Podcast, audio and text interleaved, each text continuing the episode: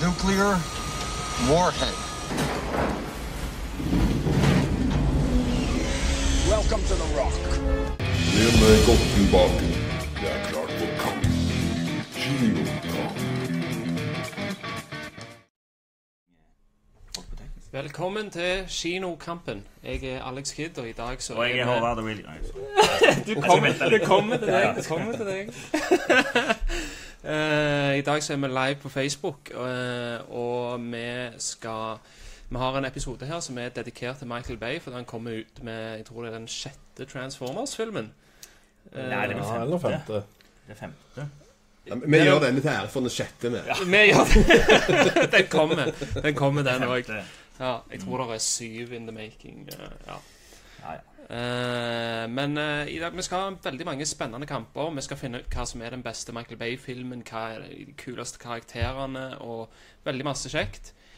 Eh, for de som ser dette for første gang, så fungerer kinokampen på den måten at vi har tre deltakere. Vi skal ha fire runder med kamper, og jeg er da programleder og dommer. Eh, og måten jeg dømmer på, det er basert på kreativitet, humor og argumentasjon. Eh, til slutt så vil det være en eh, sånn Hurtigkampen-finale, da når det kun er to deltakere som gjenstår. Så får de spørsmål som de må svare på veldig kjapt, da. Eh, dagens deltakere Han er ikke glad i gudfar, men han kan vel nesten kalles en av gudfarene i Skunt. Det er Kenny P. Kenny P. Gudfaren sjøl. Skunts andre gudfar han er en kløpper både på det tekniske, som du ser, og, men òg på debattene. Det er Einar Eidisman. Einar. Hey. Einar. Så har du From Off the Streets of Hollywood og Kverneland. The real deal. Thank you, thank you. Takk for meg sjøl. Um, the real deal. Du Ja. har jo uh, vært borte i Hollywood og Stemmer det. hva, hva, har, du, har du noen gang truffet noen som har vært med i en Michael Bay-film, eller? Du, det har jeg faktisk. Og det jeg skal litt trivia, det er at uh, han som gjør lyddesignen på alle Transformers-filmene, er har norske foreldre. Han heter Erik Årdal. Det kan dere sjekke på IMDb hvis ikke dere tror det. Og I tillegg så var det en kompis av meg som var med og, uh, på Transformers Dark of the Moon, Dark of the Moon og gjorde en del lydarbeid. Så jeg var rett og slett invitert på en uh, offisiell visning av Transformers Dark of the Moon, der Michael Bay var. Og jeg fikk hilse på Michael Bay. Hey. Så eh, Jesus, der har er du notert ned et poeng allerede, eller?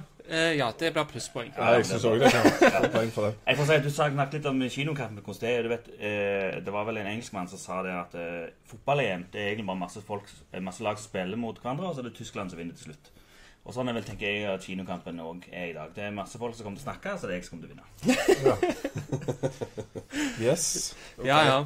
Men det er godt å få lov å være her og være can-fodder for deg. Du skal få lov å være med litt. Men virker han så en kule, var han en Ja. kule fyr, da?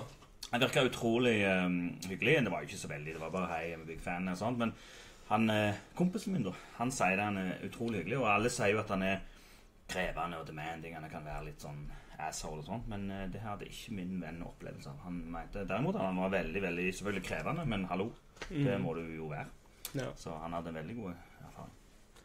Men, men ja, han er krevende og disse tingene her. Og han er jo òg Kenny, han er jo en eh, av mange en ganske sånn hata regissør, rett og slett. og Men, Ja. men, men han har jo Han gjør jo kassasuksess på kassasuksess. Hva er Mm. det med Michael Bay? Ja, altså han, han mangler jo evnen til å lage en film som er for dårlig til å tjene penger, ser det ut som. Så han tjener penger, og jeg tror han er veldig flink på å lage stjerner, f.eks. Ja. Når du har Bad Boys, da hadde du jo Will Smith kom jo rett fra Fresh Prince. Eh, og han ble løfta opp der. Bare sånne små grep som Michael Bay gjør. F.eks. tvinger han til å springe med skjorta åpen, som niplene viser, under actionscenene. Will Smith ville jo ikke det. Men når han gjorde det, så etter det så ble han liksom mo moviestar. Og det har han sjøl vært enig i. Så bare sånne små eksempler på det. Så han er flink til å lage stjerner. Det var mm. Owen Wilson i Armageddon, for eksempel, som dukket opp. Så. Ja, og de fleste av uh, Terminator-filmene Nå var jo kanskje Shia LaBeouf og spesielt Mark Wahlberg er jo stjerner, men de andre karakterene. Han er veldig glad i unge jenter. da. Det, det er jo én ting, han kommer alltid med noen, eh, noen nye fjes. da. Han er flink med å filme og zoome inn på svette, fine, fine jenter. Spinne rundt og ja. Og, det, det er nok av folk i verden som liker det. sant? Så når du gjør det bra, så er det jo noe. Og så er det mye sånn solnedgang-scener. Ja, Veldig mye. Alt filma i solnedgang. De rødeste filmene i verden. Yes. Mr. Golden Hour, det er det han kalles. Men uh, Einar, 80's Man Yes. Se for deg det skal bli lagt en, en, en prequel, da, som uh, lagt til 80-tallet. Hva hadde vært den beste filmen å gjort en prequel til? Av Michael Bay sine filmer? Av. Michael Bay sine filmer. Å, herre jemeheni. At det må uh, uh, Hvis du tar John Mason fra The Rock Der har du jo en forhistorie som bare ligger som et veldig sånn mystisk teppe i The Rock. da Så det å så fått uh, utfolde den på lerretet, det hadde jo vært spenstig. Med en ung fyr som da må iallfall ligne litt på Sean Connery. Snakke litt sånn Sean Connery-skotsk og de. Tom Hardy Eller, eller Einar- Einar Eidem. som, Eller- eller- som Bane. Hollywood. Nei da, vi har fått historien fra når han eh, stakk fra Alcatraz eh, originalt sett. Og eh, alt det der han er brodyllene som da for han, at Det var tydelig mye sånn bad blood her imellom da CIA og sånt, eller de fyrene som var i makta, iallfall i The Rock, og John Mason. Der- Der var det mye bad blood, så det har skjedd mye greier der som ikke folk var enige i, og sånn. Så det var jækla stilt å sitte. Han diskuterer det som jeg skal ta seinere, men det, det får vi ta. Men, men det, nå diskuterer jeg alt det de ikke har vist, som de skulle ha gjort. Ja, det tror jeg kunne blitt en bra film. Ehm, nå er det jo sånn at uh, Ja, nå blir det jo En kan jo kommentere på denne Facebook-linken som ligger ute, da, ikke sant? Det er vel, ja. Er Så, så, så kommenter der, dere like som sitter og ser. Lik det, selvfølgelig. Men, men vi kommer jo til å gå gjennom og, og svare på disse kommentarene på slutten av sendinga, da. Eh, ellers er det jo bare til å kommentere i all evighet framover. Og Ja, dette kommer på kommer, YouTube òg. videoen kommer på YouTube etterpå. Så det er sånn vi gjør når vi kjører live Facebook, og så ut på YouTube etterpå. Der kan òg flott hvis en kommenterer under den òg. Ja, for all del. Men da tenker jeg egentlig at vi bare kjører på, jeg. Eh, og den første kampen, det er hva er den beste Michael Bay-filmen? Og da begynner jeg med å spørre deg, Einar. Kan du ta en liten Ja. Nei, Michael Bay han har jo et en heftig bib- filmbibliotek bestående av veldig mye eksplosjoner og bra, bra estetikk og svette kropper, som nevnt. Jeg tar det som virkelig brak- brakte han på banen, med Bad Boys fra 1995. Han, eh, før det så hadde han en lang rekke, lang, eh, lang rekke med musikkvideoer som han hadde holdt på med. Og, og så slått seg fram på og vist at han har et visuelt tilsnitt, og han har noe å komme med. Og i Bad Boys der, der blir det utfolda i full blomst. Eh, som også Kenny nevnte, det er også filmen som fikk Will Smith til å bli filmstjerne. Kom rett ifra en TV-serie eh, som har vokst på seg mye mer i etterkant, i bakgrunn av Will Smith sin stigende karriere innenfor filmverden, som har gjort at det blir en mye mer kjære barn, Bevist mange ganger, mange ganger. Så alle vet hva Fresh Prince er. På den tida så var det ikke så stort. Altså i 4-93 og så nedover. Det var ikke så stort som det har blitt. Så det som er levert dette her, det er jo den filmstjernestatusen til godeste Will Smith som kom ifra Bad Boys. Og det som er jækla kult med Bad Boys, det er først og fremst det visuelle tilsnittet som Michael Bay kommer med på film. Alle disse flotte drivende kameraføringene og slow motion og kule actionscener. Veldig kul dialog. Dialogen kommer faktisk ikke fra manus. Den kommer fra Martin Lawrence og Bill Smith for det meste. Michael Bay fikk litt hetta av den dårlige dialogen i manus. Så veldig ofte så overga han dette her til til, til da eh, Will Smith og Martin Lawrence. Det er veldig mye improvisering som foregår der. Men du ser da den snakke dialogen som kom i Bad Boys. Den fikk en helt mye bedre flyt, og den føltes fresh, og det ble et popkulturelt fenomen når han kom. Bad Boys. Bad Boys? What you gonna Eh, do? What you gonna do when they come for you? Håvard, har du Boys. noe bedre up your sleeve? Ja, altså jeg syns egentlig det er rart at vi skal ta den diskusjonen her. For det, at det, det føler det her er liksom som å diskutere klimaforandringer. Altså 98% av alle scientists er enige om at klimaforandringer det er real. Men det er alltid 2 så det mener de ikke er det. Og the, the filmen som jeg har valgt, er jo The Rock. Og den er universalt kjent for å være den beste filmen til Michael Bay. Så det er igjen det er veldig rart at vi diskuterer det her. Men, men OK, eh, nå gjør vi jo det for underholdningens skyld. Eh, Den har det absolutt eh, beste plottet. Det, altså, en annen ting som Michael Bay er kjent for, det er ridiculous plots. Som ikke henger sammen. Og vi skal gå gjennom litt av eh, plottet deres etterpå. Men her i The Rock så fungerer det. Eh, det er ridiculous, men du er, du er med. Du blir solgt, og den har eh, Det var vel det som gjorde Nicholas Nicolas Cage til i hvert fall actionstjerne. Eh, Sean Connery kom inn og gjorde en av sine største, eh, siste og flotteste svanesanger. Eh, musikken har vi jo diskutert før, faktisk, og ble kåret til den beste filmmusikken ever her i Skunt. Så det må vi telle. Eh, og det har en, eh, en villain, Ed Harris, som bare er Ed Harris på topp. Og det er en, en eh, mangedimensjonal karakter. Den har action, den har kjærlighet, den har musikk, den har alt, og det fungerer. Og jeg vil si det er høydepunktet til, til Michael Bay. Kenny, hva tenker du? Jeg tenker at dette blir overraskende enkelt. uh, jeg har valgt Armageddon. Det er jo som kjent en av de beste filmene som noen gang er lagd. Han er nesten perfekt, for han har absolutt alt. Han har fantastiske filmmusikk som driver for sterke følelser. Han har fantastiske popmusikk uh, i form av Aerosmith. Eh, en sang som synges eh, Du kan høre den i dag en random plass, så synger de ennå den uh, ja, sangen av I could stay away. Helt korrekt. Akkurat den, ja. Uh, Du har Charlton Heston, som forteller hva som er i ferd med å skje her med, med jorda. At det er en stor asteroidevei på jorda, og dette har skjedd før, og det kommer til å skje igjen. Alt kommer til å gå til hekken. Charlton Heston, han kan fortelle. Han er den hvite Morgan Freeman. og så har du, så har du karaktergalleri. Så du har aldri sett på magen til stilige karakterer og kule skuespillere. Hvor flere av de fikk en stor boost av denne filmen her. Så det er topp underholdning som har alt. Det Armageddon. Men vet du hva? Da er det bare til å sette i gang.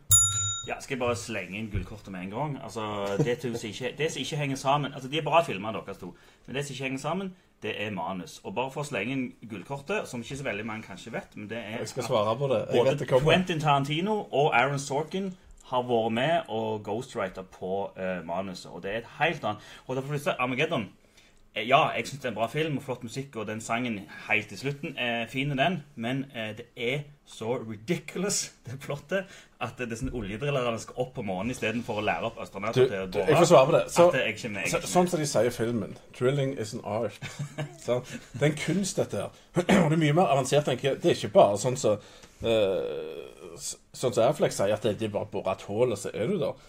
Det er, det er masse som kan gå galt, og du må skifte, du må skifte materialer på båren etter hva type greier det er. Du må vite hva som kommer unna deg. Ja, men nå er du inne på ting som ikke har noe med opplevelse opplevelsen Det, av film det har noe med drilling å gjøre. Det, det, men hva vandre i space? Altså, det er jo Ja, men det er, altså, jeg, jeg er med på ting som er ridiculous. Jeg sa jo det, det er jo ridiculous at de skal blow off Alcatraz òg. Men jeg kjøper det. Men i Armageddon så jeg, jeg, jeg kjøper jeg det ikke fordi Og, og den der scenen i slutten når, når eh, Bruce Willis skal gi My son, han gir det over til Ben Affleck, og de plutselig har en televised eh, sånn eh, Skype-møte fra månen eller fra en asteroide. Med, og, og eh, det er liksom så mange ting. Og eh, igjen, jeg liker det. Også en annen ting som Ja, men han er, jo, et han, han er jo mellom månen Ja. og jorda. Du er kjempenærme. Skjønner du ja. det? Men det er en annen ting som irriterer meg. Det er at er altfor mange karakterer som er med, og kjemper om maktsmenn. Og det tilbake over til din film, da, så svakheten med den, det er at du sa Fresh Prince. Ja, det er Fresh Prince. Det er Fresh Prince eh, på speed. Det er egentlig bare det. det. Og Martin Lawrence og Will Smith sin karakterer og den dialogen de har, du, synes, du trekker det fram som noe positivt,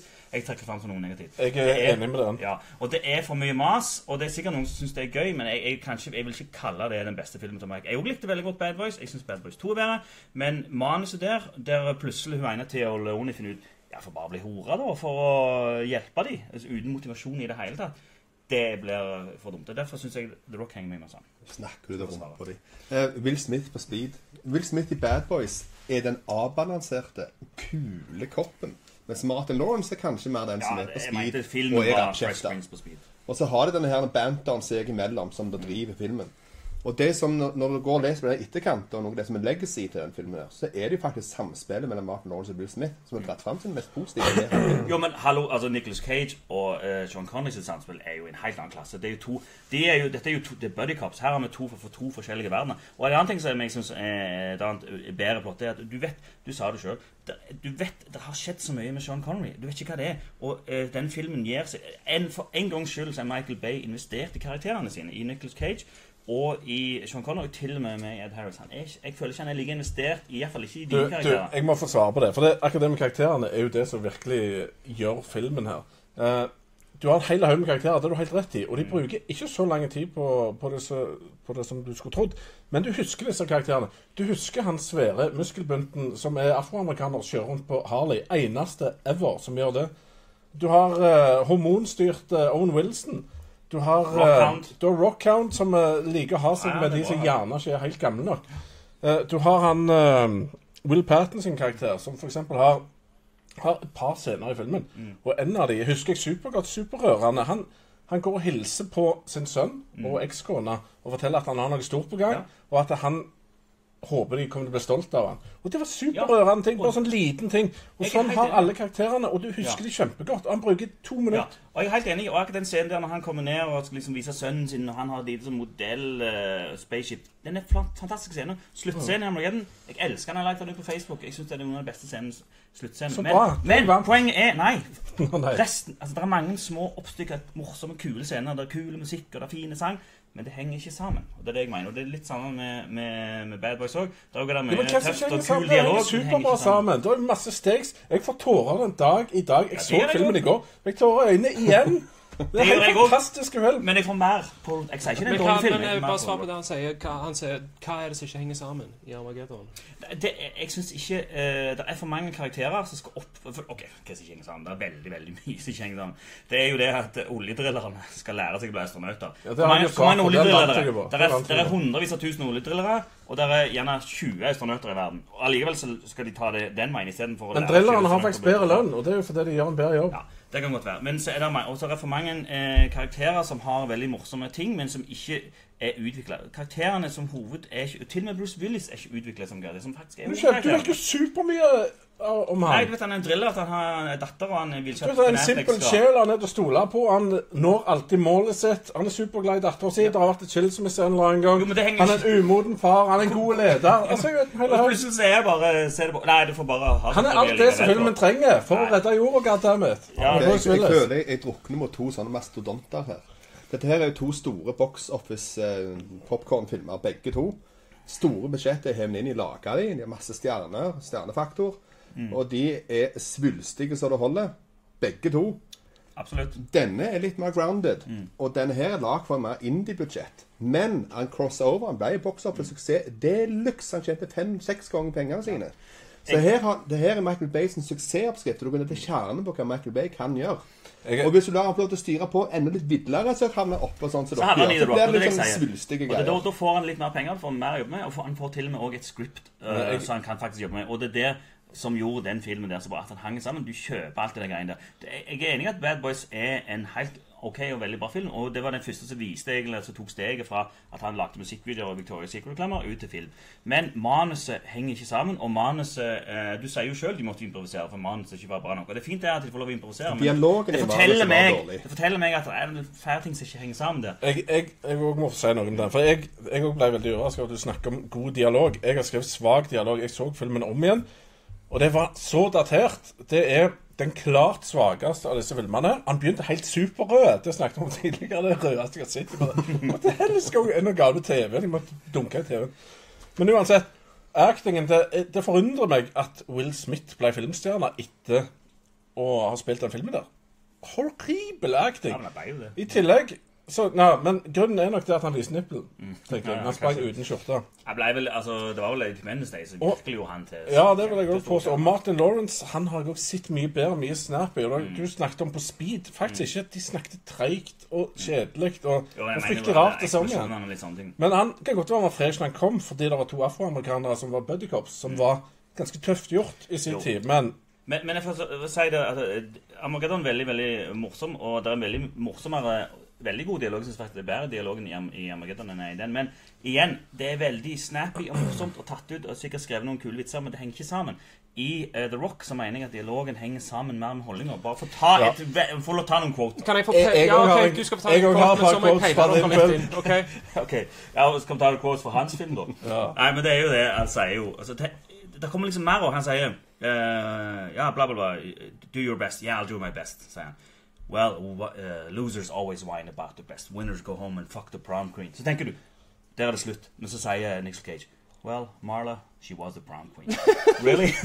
altså, Det går liksom videre. Ikke vel? Det viser seg at ja, de spiller på hverandre. Jeg er så ikke imponert. Men kan, dere, jeg få lov å styre dere litt? Jeg kunne tenkt meg å hørt litt mer om Dette er jo en actionfilmregissør. Dere har snakket mye om manuser, men kan dere komme litt inn på actionsekvensene? Hva er det som har de beste action... Ikke sant? Sånne Ja. ting som det òg.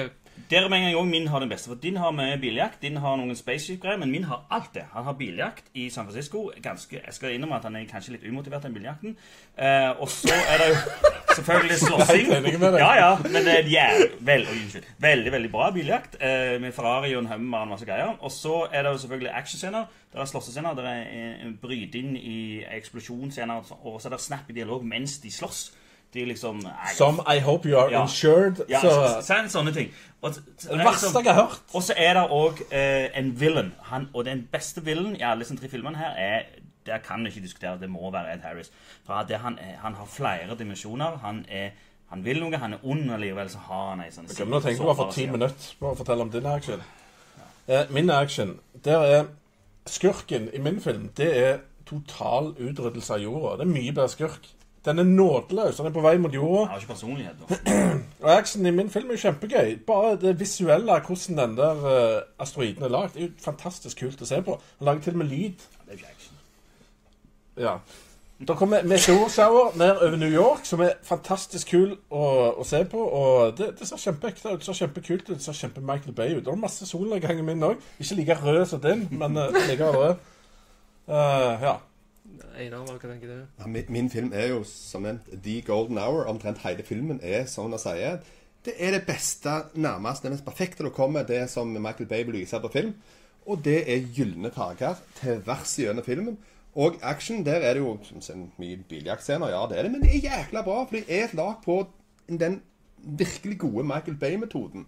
Det gjorde at øynene fikk opp for han. De tjente masse penger på dette. Helt nytt stilistisk konsept som Michael Bay kom med, ut ifra musikkvideosjangeren, som påvirka hele filmindustrien, og hvordan andre lagde film. Så det her er der det ble født og døpt, og det gjorde at Will Smith ble stjerne.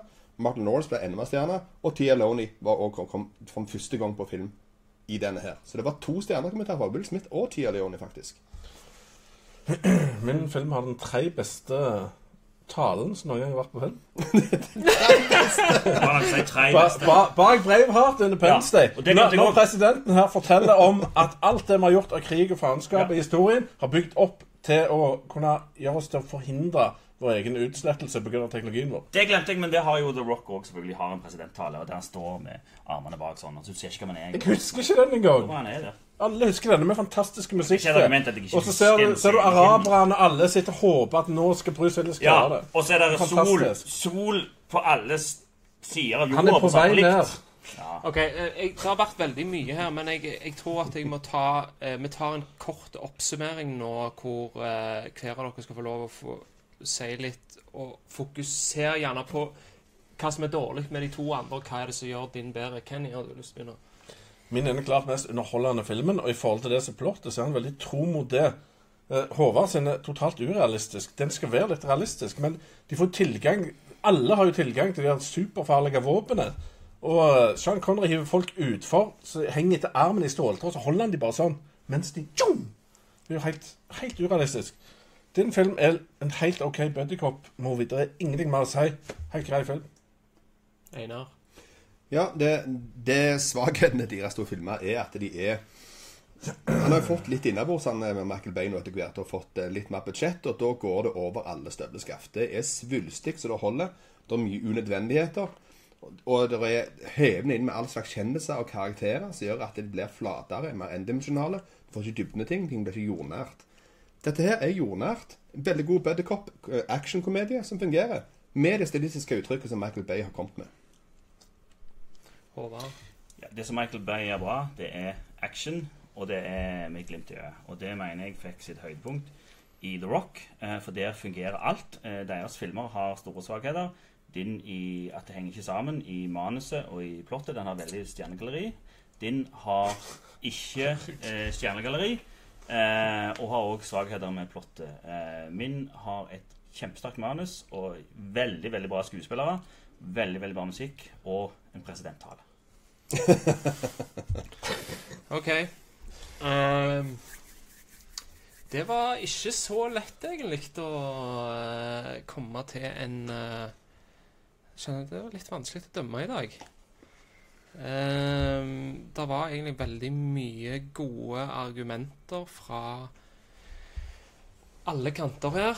Um, men jeg uh, drar det ut her. eh, det var et par eh, poeng som kom eh, som jeg beit meg mer merke i, og det gjør at vinneren av runden her blir the real deal. Med manus, med at du, du, har, du kom med disse poengene at Aaron Sorkin og Tarantino har vært med på de, med Ed Harris som villain og en god del ting. Men jeg syns alle gjorde en veldig god, god runde. da. Ja, veldig bra. Veldig bra. Eh, Good job. Bare for, en- for, for record's sake så er min favorittfilm The Rock. I er Armageddon. Så blir det da Bad Boys. Ja, ja. Men eh, sånn er det. Men det, det må vi jo kunne si at det er jo faktisk Spesielt i Transformers Agent så er jo det Michael Bay sin store svakhet. Det er jo manus. mm. Og nå leste jeg anmeldelsene siste òg. Jeg skal jo selvfølgelig gå og se den. Jeg Men, har selv sett den. ja, og da er det vel det at manus er bare helt Jeg, altså, jeg så ikke at denne var verre enn de andre. Jeg så, Nei, okay. Det var bare Just Another Transformers-movie for min del. Men vi må peise på videre. Vi har mange kamper. Eh, kamp to. Eh, hva er den beste bikarakteren i en Michael Bay-film? Eh, og Håvard, da kan du få lov å begynne. Ja, da har jeg skifta side, for da skal jeg faktisk ikke ha The Rock. Eh, da skal jeg gå over til Armageddon, som jeg også syns er en veldig bra film. Eh, men det som virkelig hever den filmen, som gjør den bra, som du egentlig burde sagt, det, var, det er Steve Buscemi og Rockhound, som er en enormt bra eh, karakter, som gjør den filmen morsomme. Han tar seg ikke sjøl alvorlig. Jeg tror faktisk han har et quote i filmen som er sånn This is all ridiculous. We shouldn't even be here, sier han. Og det mener jeg er liksom altså Det er jo selvfølgelig på denne kometen, da, men uh, det er egentlig et tegn på at jeg kanskje ikke skulle vært med i den filmen. der. Men han klarer å løfte den filmen da fra å være eh, en helt OK actionfilm til å være bli veldig morsom. Så jeg, hver gang jeg ser Armageddon, så har jeg lyst til å glede meg til scenen hans. Eh, Kenny, hva er det du har valgt? Ja, Du skulle nevnt det tidligere, sånn at den beste filmen hadde vunnet. Men eh, det er ikke bare han som er bra. Det er Peter Stormare som kosmonauten Lev. Det, det er en utrolig kul karakter. Han virker fullstendig blåst i hodet. Sånn skitten, rar, sosialt awkward type som eh, egentlig er på en eh, romstasjon i, i space som fungerer som bensinstasjon for amerikanerne. Han må jo da hive seg med de, fordi at eh, alt eksploderer jo. Og han eh, Det koker ned til han kommer til å bli en av de virkelig store heltene her, eh, som han har en lang tradisjon i familien sin fra. Hvor onkelen hans var Onkelen hans fant opp den dingsen, som han sier, som gjør at rakettene i Russland kan finne New York og sånn. Så han kommer fra en lang tradisjon av Snakker du om stormannen eller karakteren hans? Karakteren hans. Ja. Kanskje Stormare òg har en russisk eh, onkel. Men eh, han er den beste karakteren. Fra Armageddon. Eh, Einar? Ja. Da er jeg oppe på The Rock. Ja.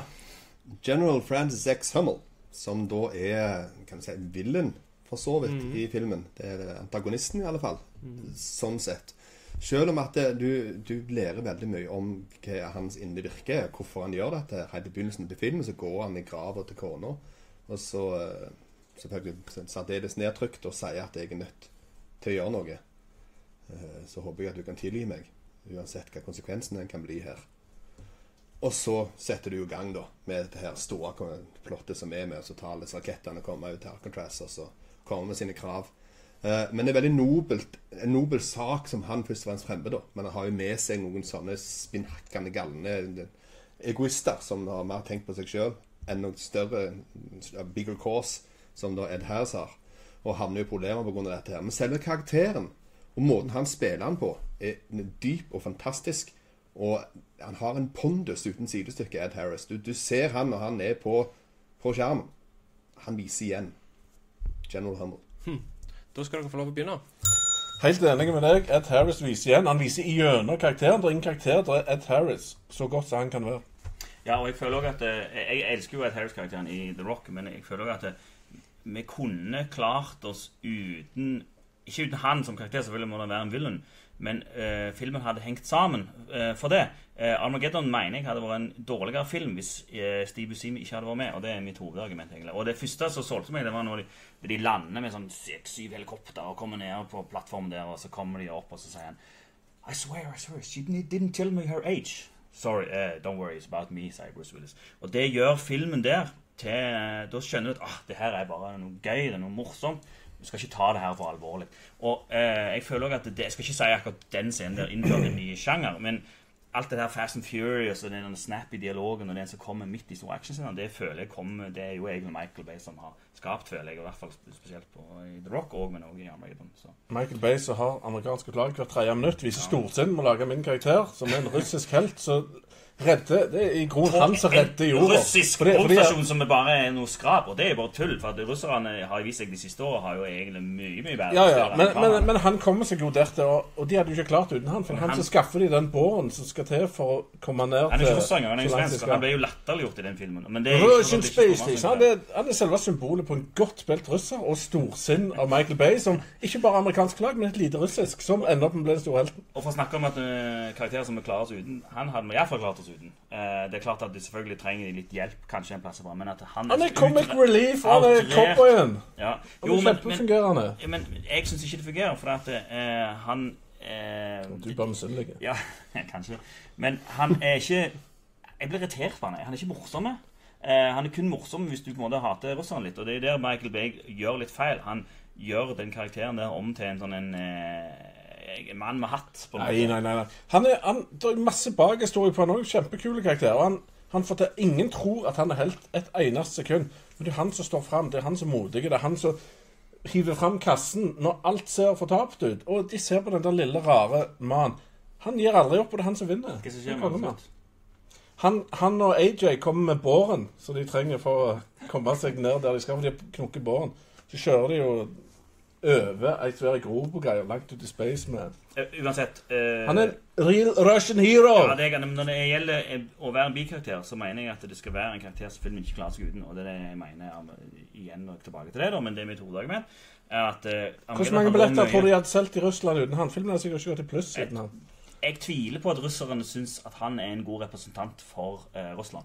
For at han er jo en Ja, nå greit, han the day, men han Tror du undervurderer Russland. ja, men han har jo Han virker jo som han ikke har peiling på de tingene som er der oppe, og romstasjonen hans er helt utdatert, og han gjør Han, han, Han gjør er underfunded, ikke utdatert. Han gjør liksom Ja, men poenget er eh, Steve Buscemi ikke du har eh, sett denne filmen? jeg gleder Jo, det har jeg, men det er lenge siden. det skal jeg innrømme. Ok. Men jeg, det er derfor jeg, Og det jeg husker ideen med, det er Steve Buscemi. Ja, men, men Steve Buscemi er meg. den pedofile. Hvorfor skal vi sitte og snakke om pedofile? Hvor kult er det å være pedofile? Nei, han, han, ikke han han visste jo ikke hvor gammel hun var. Ja, ja, sant, men han, mistenker, er det jo hver gang, så han vet jo selv han er pedofil. Og så sier han jo, det han også sier yeah, We're sitting on 5000 pounds of fuel built by the highest cool. lowest bidder. Han tar liksom den ridiculous filmen der og den ridiculous plottet Han tar det ned til sånn komisk nivå. Og til slutt så sier han jo egentlig I wish be Det er ikke greit å være pedofile, og han løfter det fram som en bra ting. ikke det det En morsom ting.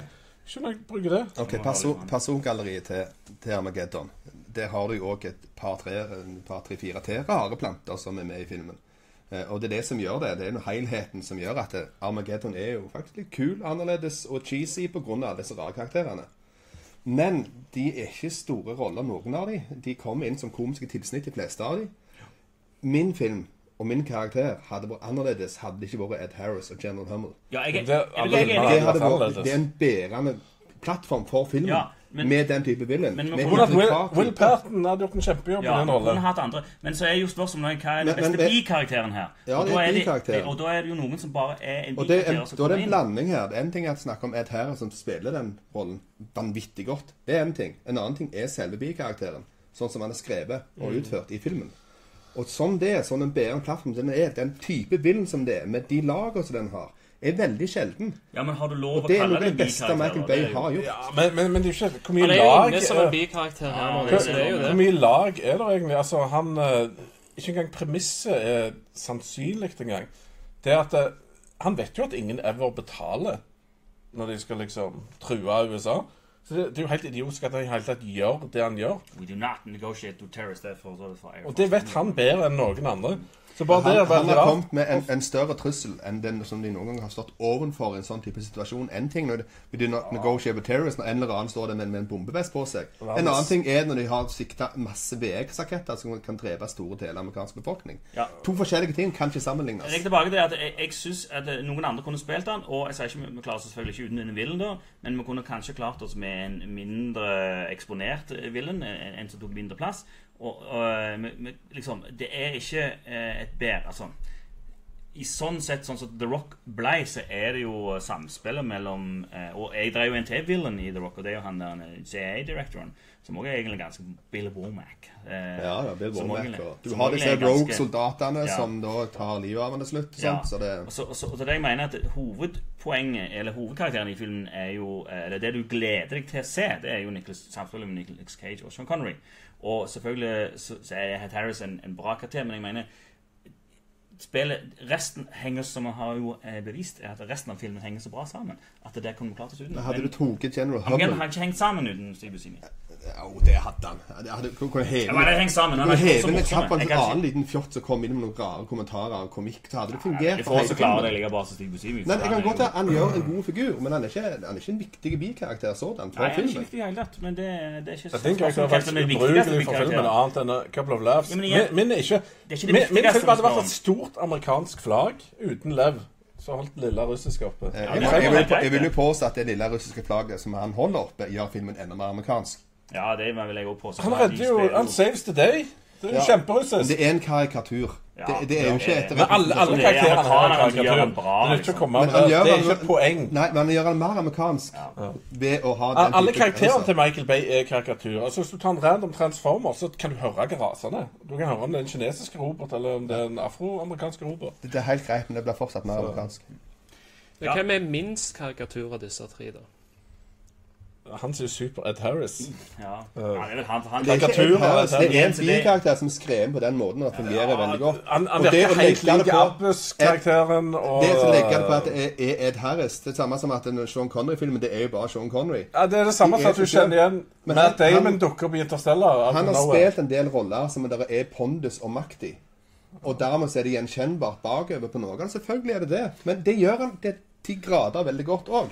Jo, men det, det, jeg er litt sånn usikker på meg selv om hva jeg skal krangle på nå. Er det det at en egentlig ikke er en bikarakter, eller er det at bikarakteren på en måte Det er ikke vits å krangle på at han ikke er en Nei, bikarakter. for han er godkjent er her i dag. Jo, men det var ikke jeg som godkjente det.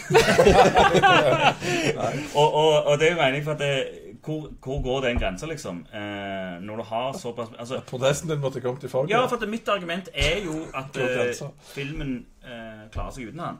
Og jeg er jo ikke så dum at jeg Altså Selvfølgelig klarer ikke film seg uten en villain. Han må jo ha en villain. For å si sånn, hadde, blitt, hadde han blitt nominert til Oscar for den rollen der, Mm. hvilken type Oscar hadde han vært nominert for?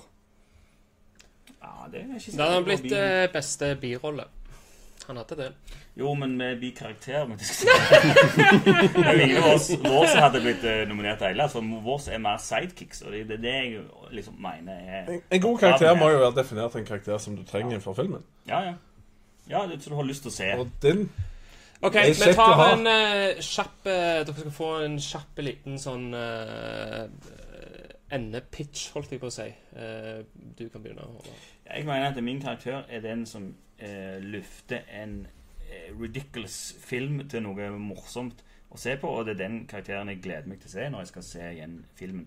Det gjør jeg ikke med de karakterene der. Jeg føler at eh, igjen i den The Rock så er det Vi kunne hatt en annen type villen, vi kunne klart oss på en annen måte, og spesielt i uh, Armageddon så er det en karakter som egentlig jeg syns ødelegger litt, fordi at han er så enormt karikert som en russer med en dårlig space station. Kenny. Jeg syns min klarer seg veldig bra på sin dårlige Space Station, men han klarer seg med det han har. Eh, Din karakter trengs ikke i filmen. At Det er fullt av kule karakterer i denne filmen. her Og han er bare en liten biting. Min karakter må du ha. Min driver plottet videre. Min løser problemene. Min er Russlands eneste håp i denne filmen. her Eneste lille flagget som ikke er amerikansk. Uh, Din karakter er litt sånn forglemmelig. Altså, det, det er Ed Harris. Han er flink, han, men det er ikke noe sånn spesielt med han når du kunne bytte ut med Bill Patten en idé. Uh, uansett om du skifter ut med Bill Patten i dag, så er det fortsatt samme karakteren, som er General Hummel. Og den karakteren er veldig intrikat, god. En annerledes type villain, som da gjør at dette her blir en mer intrikat sak for oss som seere, som skal liksom følge dette, den gjengen, og alt, alle de, tingene som ligger bak. Uh, så må jeg nevne en liten scene der som er fantastiske. Det er når uh, Ed Harris prøver å få kontroll på situasjonen. Og får det liksom til til- til lower guns og virkelig står på, så er det bare og så bryter stemmen hans. Og du ser akkurat der er det han begynner å miste makt over disse folka. For han har hatt den våpen hårsbåt hele tida. Der var punktet. Det er skjæringspunktet. Nå er det går til helsike. Yeah, ja, whatever. Få noe Cola. Eh, jeg syns det var litt lettere å dømme i denne runden her. Eh, poenget går til Einar denne gangen. Ja, det var litt feigt, men ja det, Men altså, var, når du begynner å argumentere for at det, å, det er kanskje ikke en bikarakter, og sånn, så Ja. det også, så, så, så legger ligger du litt i det at, eh, at denne er faktisk god, føler jeg, da. Ja da. Eh, all men jeg ser jo nå i ettertid jeg burde dere burde jo tatt større karakterer, Ja, det var jo feige lag, egentlig. Men det er jo ikke noen villain i Billy Butler. Jeg kunne Ja. tatt Ja, han er jo helt, han òg. Mm. Jeg kunne tatt at meteoren. Jo- Ja, det var det. Men det er nok av anledninger til å vinne. Videre. Eh, eh, for nå skal vi faktisk til beste hovedkarakter i en Michael Bay-film. Og da begynner du, Kenny B. Ja, takk skal du ha. Setter veldig pris på det, Alexander. Harry. Smule bitter. Armageddon igjen. Ja, jeg har hatt en eh, karakter fra Armageddon. men var det ikke han som begynte først? Nei, Nei, Nei det var du. men det er bare meg du husker best. så Det er egentlig jeg som burde fått det første. Whatever. Harry S. Stamper, spilt av Bruce Willis i You Guessed It, Armageddon. Nå går Einar. Yes. Her har du Bruce Willis i sin aller beste alder. Det er på den tida alle gikk på kino for å se en Bruce Willis-film. Det er en tid som mange har glemt nå. Uh, han er supersjarmerende, han er oppofrende. Han er egentlig perfekt menneske. Han er litt sånn uh, gammeldags og uh, ligger litt i kortet at han har vært en eh, litt ung far, kanskje. Men han har stor karakterutvikling underveis, og han er en simpel oljegründer som er ute og redder verden ut i space. For det er mye enklere å bli astronaut, så, så jeg gikk for han. Mm. Nice. Um, Håvard. Ja. Da hopper jeg tilbake på The Rock igjen. Og da er det jo Sean Connery. Og da kommer jeg til å bruke mye av samme gang. Einar brukte begynnelsen, faktisk. For det var veldig godt sagt. Og, men det, det er egentlig det jeg òg har tenkt på. Når du, eller, etter filmen så sitter du igjen med å kjenne den karakteren utrolig godt. Altså Mason i, i The Rock, da. Altså Sean Connerys karakter. Du eh, følger han jo egentlig bare et par dager, men allikevel så føler du du har lært utrolig mye om de karakterene. Han, han, er, han er ikke bare todimensjonal, han er flerdimensjonal. Han er ond, eh, han er actionstjerne, han er snill, og han har en historie. Og han bryr seg om dattera si. Han har liksom alle disse her fasettene. I tillegg så blir han en slags farsfigur nesten for Nicholas Cage der, der de går rundt i disse her eh, gangene. Og så bryr du deg du bryr deg virkelig om hva som skjer med han i slutten. For nå skal jeg ikke røpe slutten, men det skjer noe veldig, veldig sånn spesielt med han i slutten da, som gjør at du virkelig heier på han. da. Så, eh, og det er en av det, var, det er veldig tøft om jeg kan si at det er en av Sean Cords beste roller, for han har gjort utrolig mange roller. Men av de, de siste filmene han gjorde før han la opp i 2003, så er det her en av de beste. Einar, hvem har du valgt her? Ja, jeg har valgt noe veldig spenstig opp imot eh, Harry Stamper og, og John Mason. Jeg har valgt Paul Doyle i For Pain and Gain med Dwayne The Rock Johnson. Yeah, baby. Dette er faktisk eh, regna for å være en av de bedre rollene som Dwayne The Rock Johnson har gjort som skuespiller. Dette er en uh, rolle som utfordrer han på mange andre pl- plan og nivå enn det meste annet han har gjort. Av type Fast and Furious og sånne type ting. Eh, her må han gå litt mer inn i seg sjøl, for her skal han være en sånn av og på rusmisbruker som eh, helst ikke vil bruke vold. Som da havner oppi et vanvittig styr, eh, basert på sann historie, med at de tar og kidnapper en, litt sånn en slivrig riking, og så tar de og så tyner han for alle pengene, assets og alt det sammen. Og så, så har de det gøy etterpå, og så har du jo Mark Warcraft sin karakter, som også er fin, og så sier at 'jeg har sittet, jeg har på film, jeg vet hvordan vi gjør ting'. Det er hans løsning på alt i verden. Så det er Paul Doyle. Fantastisk rolle av The Rock. Kanskje hans beste. Kult. Men da hiver vi oss i gang. Festlig film. Uh, I Ja, researchen til den så så jeg at han var i alle fall blant de ni beste rollene, ifølge den sida jeg så. Ja. Jeg òg føler å si at det er beste rollen til The Rock er litt rart. Og eh, vi, vi sier jo når jeg snakker om Sean Connerys beste rolle, så er det òg vanskelig. Men iallfall Bruce Willis. Altså Bruce Willis sin beste rolle er, kan jo ikke være Armageddon. Det må jo være det som han er kjent for. Altså Det er jo først og fremst Die Hard. På det første så sa jeg ikke det var den beste rollen, men det er en veldig god Eh, rolle. Eh, og, og han sjøl er vel Jeg tror ikke det er den filmen han er mest stolt av å snakke om. Og eh, jeg er Hva, enig hva bakgrunn har du for å tro det? Eh, For jeg har ikke hørt han snakke om det. Så Nei, hva har du hørt han jeg snakke snakker om? jo om Die Hard. Ja, men det er fordi du googler. Jo, men nå er vi på skuespilleren. Det er jo karakteren, Mm. det er jo karakteren som er det viktigste. Hva er den beste karakteren? Og da mener jeg eh, igjen at han har ikke noen særlig utvikling. Ja, han gir vekk dattera si i slutten, eh, veldig sånn i de siste 15 minuttene. Sånn, særlig utvikling. Han- han- My son, han lærer seg å han AJ. han godtar Han må gå ned i den der han, eh, Herregud. Og, og, og detonere den der bomba, da. Men eh, jeg Han tar en tilbake for til laget. det. Er han som den første som tok en for laget. Altså Min karakter er Du vet så mye mer om han bare med å se han i, i liksom de to-tre dagene han er. Du, han, du vet han har vært eh, MI6 Han, har, eh, han quoter eh, Aristoteles, eller hva det er, når han sitter inne i fengselet. Han eh, reiser rundt hele byen sin for å treffe dattera si. Og Han eneste klarer ikke å skru på en oksygentank engang. Eneste grunn til at han er med og ut til Alcatraz, er jo fordi at og det er det som er motivasjonen. Det er derfor nå er tilbake til Rocky, hvorfor den henger så godt sammen. Men, men eh, eneste grunn til at han er med ut og redder Alcatraz, er jo fordi han vet at datteren hans er inne i byen og kan bli drept. Du, jeg, jeg tror du har sånn solskinnsbriller når du ser på denne. For det første, altså, Sean Connery er er ikke en så fantastisk stor skuespiller. Og det er i alle fall ikke en stor rolle. Han henger ikke sammen. Kan du, kutte vekk det etterpå? hvis du ikke følger, si og hvis du ikke følger, hvis du ikke følger skikkelig med på filmen engang Du ser når han holder på med den oksygentanken så Du ser, vet ikke hva han gjør for noen gang. Men det er noe Han viktig holde å kan gjøre, med en så. Jeg føler ikke om det skal være det som dømmer. Det er ganske relevant når han gjør motsatt av det han skulle ha hørt til å gjøre. Snakk om den forglemmelige karakteren din, ja. Ja. Jeg sitter Pain Gang, men eh, hvem er det han er? Han Jeg skal, jeg skal skyte inn litt.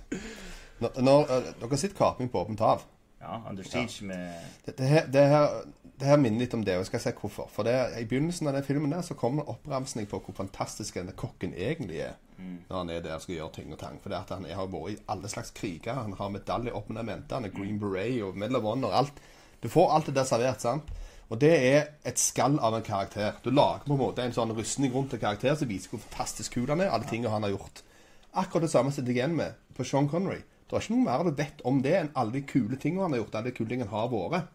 Men når du kommer til å gå inn på hvem selve karakteren er, så er det ikke mye igjen. Det er en sånn liten tynn ert av en suppe. Det er masse igjen. Han gir jo hemmelighetene sine. Han har en datter. Han har vært i MI6 eller hva det heter i England. Din karakter Det er en ganske stor svakhet når du må si at ja, har du sett Under Siege? Han er litt sånn som den. Var ikke det du mente? Nei, han snakket om din film. Ah, okay. Men hvordan er din karakter da i forhold Ja. til det som du sa om hans? Altså, Min karakter har jo en, en indre motivasjon og egentlig om, om å bli et godt menneske. Komme seg ut av dette her med stoff. Og han trener og stor kropp og skal gå den smale stien. Så har han altså de napper og drar igjen og skal ha han med på all slags helsike hele tida. Og han må gå og bryte han sine barrierer gang på gang igjen og komme seg tilbake igjen. Så det er en evig kamp gjennom hele filmen for han.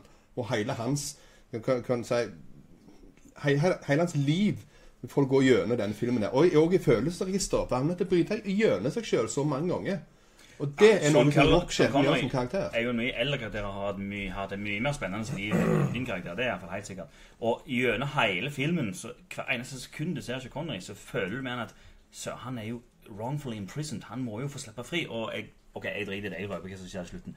Det er jo det at han overlever jo. Mens eh, Og så står de der i slutten, og så snakker de med Nicholas Cage. Og liksom, ja, hva har du tenkt å nå? Har du tenkt å, liksom, For nå kommer de jo og skal hente dem. Så han nei, jeg, slapp av, jeg skal si at du har forsvunnet på sjøen. Og så forsvinner han. Og så får du ikke se hva som skjer med han, men du vet han slipper fri. Og det er noe av det største. Selv om de har redda Alcatraz og alt det der, så sitter du igjen og tenker åh, han fikk slippe fri ifra dette urettferdige fangenskapet han har sittet i. For han viser seg jo å være veldig smart og veldig sympatisk og veldig ja. Altså, min, min karakter er den som faktisk føles som et menneske her. Det er en ekte person. Jeg har truffet sånne folk som dette. Sånn gründertype som har funnet, funnet opp et eller annet sånn Har du truffet sånn som så Harry Stemper? Stemmer det. okay. Det er sånne folk som evner å ta kjappe avgjørelser. De har funnet opp en dings kanskje som har med olje å gjøre, i dette tilfellet. så Han starta et oljeselskap og gjort det veldig bra. Og han gjør det fordi han går etter gut-feelingen sin. Ja. Og han står på, han er ærlig, og han er snill med arbeiderne sine.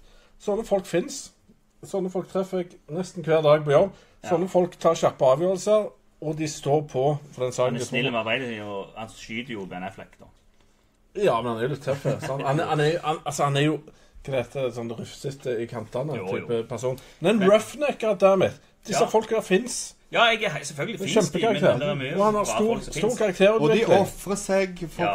planeten. Og, Ja, sant. Hva faen ofra din seg for? Ja. Eh, min ofra seg jo for å redde alle i San Francisco pga. dattera si, som vi vet Vet du hva, Din film kunne bli erstatta av Anthony Hopkins og gjort mye, mye bedre. Ja, men da er det tilbake til argumentet i hans at ja, det er karakteren vi snakker om. og det er ikke Min film, ingen, ingen hadde gått og sett denne filmen her for å se Rockhound. De har- her gikk og så den her for Bruce Willis. Ja, men, øver De gikk for Bruce Willis. Nei, de gikk for at det var spektakulært og svært. Og det er veldig veldig mange karakterer i filmen som krangler på oppmerksomhet. Det har vi snakket om. Han blir jo Ja, overskygga vi har snakket om det, men det er Bruce Willis, så får de inn i kinoen, og det er de Ja, ja. og alle disse her. Og jeg mener det er jo veldig veldig lite utvikling. Han er en roughneck, og det er, det er kjekt å se roughneck. Ikke veldig lite utvikling. Han, godtar AJ. Han godtar Eh, AJ. Det er det som er greia Han er jo en bodybuilder, og jeg er enig i at det er en veldig veldig morsom film. Eh, den uh, Pain and Gain. Men den sånn ting skjer, de har sånn high speed-kamera, det er mye kul musikk og sånn, litt sånn tullete plott, og så er det basert på noe real uh, history. Men da, når det er basert på ekte, og det er Michael Bay, så er det et eller annet som ikke helt stemmer seg. Ja, men det det kan er- ikke bli så kult Ja, som det var Men du kan Michael ikke Bay. snakke Rock Michael Bay på den måten fordi de har tatt tak i en faktisk ekte historie. Og det er- å komme med den, eh, at du har den mest realistiske karakteren, ut ifra jeg som har da en, faktisk ekte historie Ja, men det Ekte folket. Ja, men Så har det du betyr ikke at han Altså, er Her er ikke han som, han som liksom redder planeten der oppe og tar ofrer seg for boy, boyfriend of the week, Ja, liksom. Norge må gjøre det.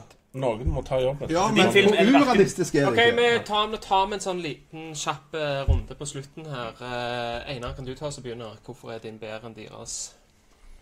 Eh, jeg har jo nevnt det, du han ble jo spilt av Dwayne Rock Johnson, som har en viss pondus og sjarm. Eh, her må han sagt spille gjennom hele følelsesregisteret sitt og gå gjennom den her typen som sliter med alle problemene han har. Og den vanvittige heistreiden som han havner inni. Det er jo et, en, det er en heseblesende film, for å si det mildt. Men det har skjedd med sin Jim, Jim Gang da på 90-tallet i LA. Og det er en fantastisk historie, og ikke minst en vanvittig bra karakter av The Rock. Hans beste rolle til nå, tør jeg å påstå. Kenny, du ler. Yes. Uh, jeg tør å påstå at den er blant de ni beste. Men denne karakteren her, denne filmen hadde ikke fungert uten uh, Bruce Willis. her. Det er han på sitt beste. Det er før han ble useless. Han har den sjarmen som kun Bruce Willis har, og karakteren trengs. Du må ha noen til å redde jorda utenom Lev. Uh, det er helt feil å si at ikke fungerte uten Bruce Willis. Jeg tror faktisk Ed Harris kunne gjort en kul rolle. Eh. Din film er verken den eh, beste til Michael Bay eller den beste rollen til The Rock. Det er jo helt klart at det er Fast and Furious-filmene. Uh, og din film eh, Ja, jeg, det er en bra film. Jeg syns ikke Bruce Willis har en eh, egentlig så kjempeviktig rolle som du påstår han har. Ja. For det er um, den store, stygge ulven her er jo kometen. Eh, og han har ikke noen særlig utvikling. Eh, og du vet ikke så veldig mye om før og etter. Liksom, du bryr deg ikke så mye om Han dør jo i slutten, og liksom Ja, ja, det, men han det er fikk datter, så det går fint. Så spiller Aerosmith i slutten, så er det greit. Men eh, i min film så vet du så mye mer om den karakteren. Du bryr deg Og det er det jeg vil tilbake til. Du bryr deg mest om min karakter. Om han eh, får det til. Eh, om han klarer å redde San Francisco. Og ikke minst hva som skjer med han etter filmen er ferdig. For er det noe som er viktig med en film, så er det hva som har skjedd mener jeg da, når det gjelder manus. Det er hva som har skjedd før filmen begynner, og hva som skjer etter filmen begynner. Ja. Hmm. Her var det mye igjen. Ja, mye. Det er verdt det mye nå, som jeg sier. begjæret. Nå skulle jeg hatt en sånn eh, på sida her allerede. Så var det kan gi deg tips. Men ta så Ja, det kan du nok. Jeg eh, Jeg ender med å gå for å gi poeng til Einar igjen. Nei! Jeg får ikke applaus nå. Nei, det var ikke det, fordi det må For du forklare. Nei, det skal jeg forklare. For det at jeg følte at eh, du klarte å Jeg har ikke sett filmen, men jeg følte at jeg fikk et inntrykk av hvem den karakteren var. At det var en skikkelig person med eh, Med blant annet Med Kenny sin, da, så følte jeg at det, det var mer du som kom med, da, men at det er egentlig alle de andre karakterene som er kule i Armageddon, mer enn Bruce Willis. Du ser det jo på coveret her, eksempel. Eh, og med din eh, Du hadde veldig mange gode poenger, du òg, men eh, sa en av dette her at du det går mer på de tingene han har gjort tidligere. Du vet at han har gjort det og det og det, men ikke så mye med fakt, hans faktiske følelser nå i filmen. Ting, Ja. Ja, det er jeg uenig i, men det var ikke så bombe at jeg var uenig i det. Yes, men vi, det, var, det var ikke så lett å dømme, men uh, vi får gå videre.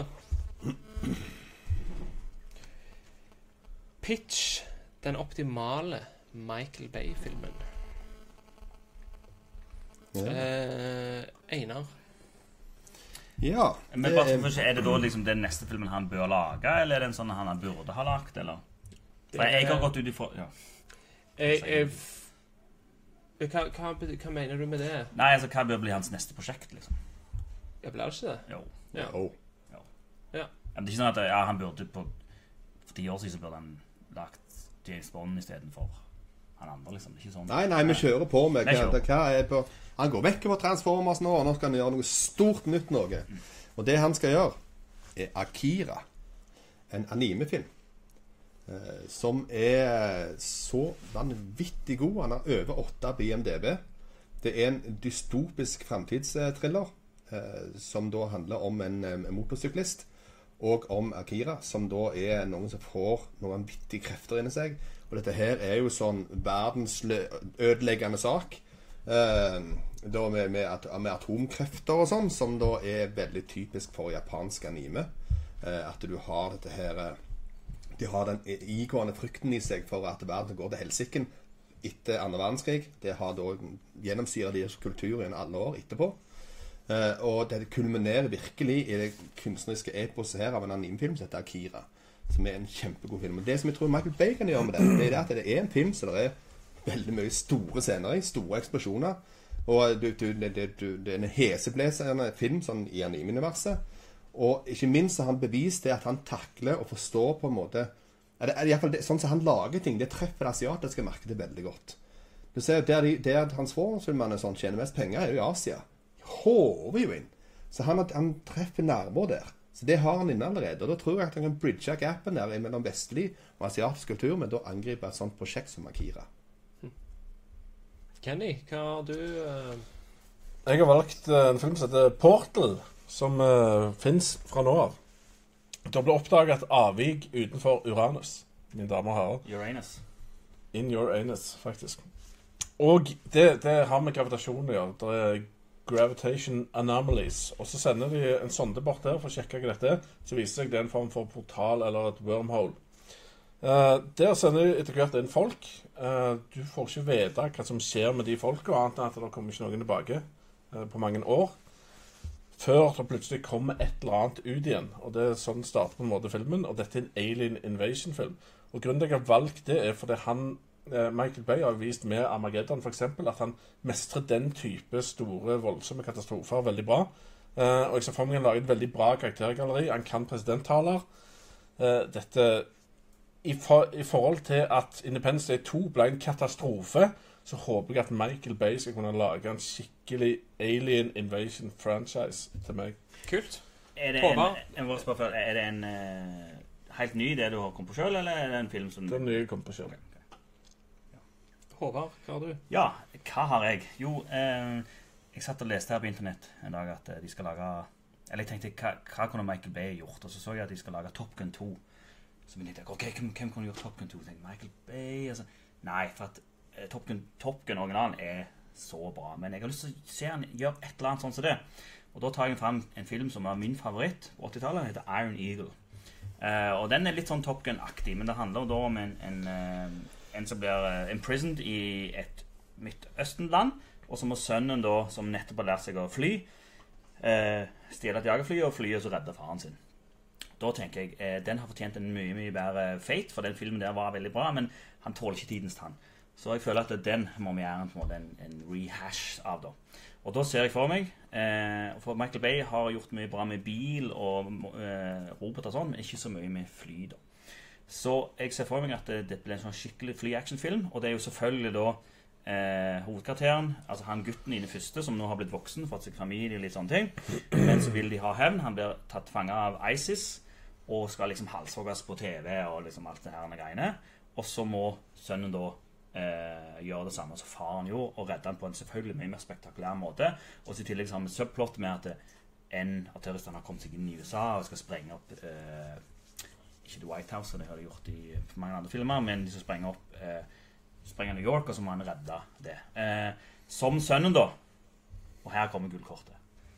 Patrick Schwarzenegger. Sønnen til Arnold Schwarzenegger. Han er nå 17 år og er klar til å komme inn i Og vi snakket om tidligere, Michael Bay klarer å gjøre, lage nye stjerner. Og hva hadde ikke vært bedre enn at han tar sønnen til Schwarzenegger og gjør han til megastjerne. I tillegg så vil jeg ha ei jente selvfølgelig som vi hjelper, og det skal være dattera til Johnny Depp. Lily Depp Rose. Du har veldig tro på ungene. OK, jeg tror dere skal få hive dere ut i det. Eh, men du snakker jo om eh, Interstellar, er det det du snakker om? Eller er det Stargate du snakker om? Uh, nei, jeg snakker om Du snakker om en blanding av de to, for at Stargate er jo akkurat det som skjer i Stargate. At, eh, men da skulle du heller sagt det Nei, men det. i mange space-filmer så er det en portal eller et wormhole, fordi at Ja. det er jo en av de teoriene som Så vi skal ha en til en sånn en wormhole-film nå? Eller portalfilm? Nei, vi skal ha en Alien Invasion-film. Så Michael Bay skal gjøre den bedre innen Interstellar, er òg Stargate. Nei, det er ingenting med Interstellar å gjøre som ikke er en Alien Invasion-film i det hele tatt. Som eh, Nei, det er jo en tidsreisefilm. en portalfilm. Uh, ja, Alien det- Invasion-filmer er har vi en, eh, massevis av. Men, men denne her skal være nåtidens uh, Independence Day. Da skal komme skip ned mot jord og sånn, men litt av greia her er at vi har dratt Ja, men for, hør nå. Vi har dratt de her til. Vi gikk inn der. De oppdaget oss av at vi kom inn. Det høres ut som Transformers òg, det du sier der. Vi dratt de her, vi tok de her, og de kom her. Men det, som skjer i, det det som skjer i Transformers 3, er jo at de blir utvist fra jorda. Altså, Ja, men, men, men vent litt. Mange Du, du skal få lov å. Ja, men du skal ja, Jeg har ikke funnet opp hjulet, men jeg har funnet opp hjulet på ny. Eh, Men castingen her, den, den kommer du elske enten du vil eller ei. Du har Dwayne The Rock Johnson til bankraner, som ufrivillig etter hvert blir helt. Han er har karakter, masse karakterutvikling. Han er lei av Dwayne The Rock Johnson. Verden er ikke lei av Dwayne The Rock Det Johnson. Nei, nei, nei. Eh, Ryan Gosling kommer inn som nervøs professortype som kan alt, som løser hele Det filmen. passer han ikke til, det hører jeg med. Det blir magisk. Kevin Hart er pilot. Og du har Hans Zimmer på musikk. Ja, På fela. Nå skal det sies Nå skal det sies at Michael Bay har aldri jobba med Hans Zimmer, tror jeg. Nei, men de begynner iallfall nå. Det er han Jo, vel. på The Rock. Han er- På Rock, ja. Men kun på The Rock. Ja, ja. Eh, men Transformers er det jo Steve Jabonski som har gjort, så han hadde ikke brukt han. Men eh, Han gjorde det her. ja. Skjerp deg. Men den eh, hundefilmen eh, din Akira er jo hundenavn. Så hvor, Altså, du sier at den kommer til å gjøre det bra i Asia, men er det liksom Du vet hva, Jeg vil gjerne komme med en kommentar der. For det, det som du sier, at det, de kan, han kan Asia, det er en sånn idiotisk forenkling. For hele clouet er at det, han kan ikke Asia tatt. Han kan ingenting. Han kan ikke USA engang. Han kan bare young, stupid people. Men alle i Asia er like store roboter. Mm. Og det er Transformers. That's it! Det er det han kan. Så uten de så funker ikke Jo, men jeg er enig i at det sannsynligvis hadde blitt bra i Japan, dette her, men vi snakket jo om et prosjekt som på en måte Hva bør bli hans neste prosjekt, og det bør det bli noe megalomani-prosjekt, tenker jeg. Og det trenger ikke, Men altså, han kan ikke sprenge mer ting enn det som skjer i, sannsynligvis i den siste Transformers nå. Men å ta det back to basic med et eh, Og en annen ting som Michael Bay, han er veldig eh, mannssjåvinist. Det må vi jo kunne innrømme. Han liker veldig godt fine damer, så her eh, er det, Jeg tenkte skal det være ei datter? Så nei, det kan ikke, det må jo være en mann. Og han da skal da fly og redde helt på ene, uh, alene sammen med hjelp fra hun uh, dama som selvfølgelig ble kjærester. Og hjelpe faren fra ISIS og virkelig bare blow out ISIS en gang for alle. Og det er noe det er veldig aktuelt nå. Nå, nå, nå må jeg kjøre inn. Nå. OK, du har altså valgt Iron Eagle av alle ting. Ja. Det var en magisk diamant i 80-tallet, som da var pga. en offiser og gentleman og Top Gun. De, Noen satt i styret men her har vi en god idé, vi kjører på med Iron Eagle. De gjorde det, og det fungerte, og det var en kul film. Jeg digget den. Ja. Men så kom Iron Eagle To. 2, så kom Iron Eagle 3, og så kom Iron Eagle 4. Og derfor... Og de er så de er bare, Den der franchisen har blitt kjørt ned i. grøfta.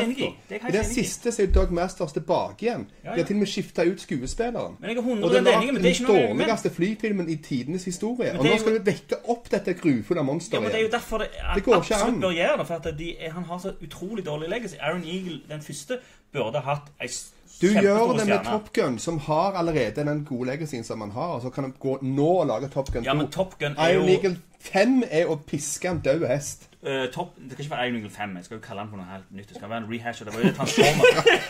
og, og Iron Eagle Transformers også var jo Transformers også var jo på en måte en rehash av den franchisen som funka som søren. Og eh, det er jo det jeg vil Men det er jo fordi Transformers selger bare fordi det heter Transformers. Ja, ja, det kan godt være, men, skal, men poenget er at det, det er ikke argument at Iron Eagle 2, 3, 4 var så dårlig, og det er jeg 100 enig i, som sagt. Men nå skal han gjøre det Uh, om igjen. Og jeg mener han kan bruke det som en Jeg syns 13 Hours også faktisk var en veldig bra film. Men hva skal man flyfilm til når. Top Gun 2 og kommer Altså, trenger Jo, det er mer av akkurat det? det, Når det kommer én flyfilm, så kommer det flere. Når det kommer én dinosaurfilm, så kommer det én til. Ja, en hus, sånn- husker du det det Husker du Meteors? Du tre- Nei. Nei? Men den diamanten som de hadde der, med kobling mellom offiseren Gentleman og Top Gun, den, den klarer du ikke gjøre nå. Jo, for det, selvfølgelig klarer du det. Du må jo ha en Du har ikke er nevnt den mellom far koblingen, og sønn. Hæ? Ja, men Far og sønn er en veldig generisk ting. Som Ja, er jo, der jo, før men det er jo Han skal liksom eh, fortelle Han har jo skjult for Han har ikke fortalt om det. og liksom altså, det, det er veldig mye som skjer. Så oppdager sønnen det her. gjennom det. Jeg sier ikke det blir en, en, en veldig sånn dramafilm mellom far og sønn. Det er jo absolutt ikke det jeg prøver på her. Men det kan bli en actionfilm. Og er noe som USA virkelig trenger nå. For at nå er jo USA Og den er jo ganske generiske, den. Donald Trump kommer til å Det- Donald kommer til funde denne her filmen det, alene. det som USA trenger, er en ny president, og det har jeg. Min heter Brad Pitt, og han kommer til å komme med den beste filmtalen ever. Og det- han, det han, var har vist seg, han, han kommer til å være en blanding av humor og den tyngden som kun Brad Pitt kan legge bak Men en ting vi har sagt, er at Michael Bay skaper nye stjerner. Nå- Nå har du sagt han skal jobbe med de største i Hollywood. De kommer ikke til å bare falle for Michael Kevin Bay. Hart er størst i. Hollywood. Han er bare det er stor, knøttliten, for det andre er hadde- up and coming. Hvem andre, andre hadde du? Brad Pitt og hvem andre var det du hadde? Ryan Gosling Ja, Ryan Gosling kommer aldri til Gosling Han er- kunne gjort det for ti år vet du siden. hva? Nå, nå har han gått for uh, La La Land og sånn, så nå vil han ut og ha det gøy. Ja, Akkurat som Tom til å Cruise. Men denne filmen du har-. Denne filmen du har her, Kenny, den er da så tynne, og så har du hevet masse stjerner og musikk og alt på den. Og plottet fra Stargate. Og mange ku... Men det er- Nei, nå må du gi deg. Men det er er ikke noe film her. Det er jo bare masse navn. Det er, det er ingen her som har film her, for det er ingen som har kommet jeg lenger. har- jo. Jeg har Kira, Akira, jeg har forklart allerede hva det går ut på. Jeg husker ikke noen ting. Og han har jo Nei, han har allerede Null. bevist at han kan takle en type dystopisk verden, som Du har bare sagt ordet dystopi, du har ikke forklart Og gått inn på Så ja, sci-fi-konsept. I Japan liker du noen greier. Vi har snakket alt. Men, Japan om Fortell litt mer om filmen, Ja, min film, altså, og karakterene, ikke minst. Ja, ja, ja. Sånn som så, sånn som Brad Pitt, for eksempel. Sant? Du har jo sett han gjør ulike roller nå for tida, og hvor han er all slags rare generaler og treningsfolk og ja, kule ting. Han, han kommer til å være en sånn helt Jeg skal la han fritt få tolke sin egen president, så jeg skal ikke si hvordan den er, for det må han Han får bruke seg sjøl til å tolke det. Uh, Jeg skal ikke si hvordan filmen er Michael Bay får lage. nei, og så Shut up. Ikke si det. Men, men kommer aliens inn på et episk looking skip som kun Michael Bay kan lage i sin uh, actionverden. Og så blir det sånn, det kommer skip ut fra ulike byer, eh, store byer. Er. Så, men som sagt, ja, ikke superoriginalt, men det er vår tids Independence Day. For det, den krasja så grufullt den i fjor, og det har ikke vært en skikkelig kul Alien Invasion-film siden War of World, som jeg syns er kul, men verden syns er drit. Så vi trenger denne filmen her. og Vi trenger å få liv i Alien Jeg eh, slo det hele mitt argument. Du sa det trenger ikke flyfilm for når det kommer Top Gun. Sa jo du nettopp. En flyfilm er, Hvor interessant er det? Det er jo ikke altså, bare det er de der fire som går som flyshow på Jo. Sola. Nei, nei, det, det er jo det. nei, nei, krigsfilm. Med, Og de sier akkurat rette alderen, hvor de ser ah, solarium som ser kult ut og eh, flyge. Så Men så glemmer de å nevne at du nødt til å være Ja. 1,40 for å komme inn Jo, i fly. Men hvor mange år så Top Gun er det egentlig du sier her? Men hør nå, en annen ting som du vil se mye av den filmen, er jo selvfølgelig solnedganger. Og fly. Altså- Altså, du vil få så mye Eh, Men, film, handler som vanlig om å redde jorda, og det er jo kjempegøy. Det Ja, trenger vi. er Det er typisk sommerblockbuster. Og det er dette Michael Bay gjør rett. Så Ja. hvorfor ikke la han gjøre en Alien Invasion-film som ikke har vært god på evighet? kan komme Brad Pitt og Ryan Gosling og Michael Bayfield kan du bare glemme. Og det er Du har ikke noe beskrevet noen sånn voldsomme plott her. Det har ikke du heller. vil heller høre litt mer om din. For du har bare sagt Ja, ja, dystopi og noen greier. Min film den foregår eh, sånn eh, 40 år etter at det har vært nuclear holocaust i Tokyo. Eh, nå er det nå Neo-Tokyo, eller Ny-Tokyo, som det kalles. Der det er masse sånne små settlements overalt. Der det er motorsykkelgjenger som holder helsiken. Og så kommer det, begynner det å komme snakk om legender rundt omkring, og så masse grafikk rundt omkring om en eller annen gudeskikkelse som heter Akira. Og i bakgrunnen av dette her, så er det en som begynner å undersøke dette her. Og fordi at søster er kobla inn på denne her snodige gudeskikkelsen og sånne ting. Og dette her kulminerer jo med at det kommer Eller at det, at det vil komme en ny atom en, en ny atomtid som da truer hele menneskeheten og planeten. Og det gjelder på å unngå at dette skal skje. Men, Jeg altså, tror jeg eh, stopper dere litt, og så dere kan få eh, noen få sekunder hver til å ta en sånn rehash av argumentene deres. Eh, Einar, du var allerede i gang, så du kan begynne.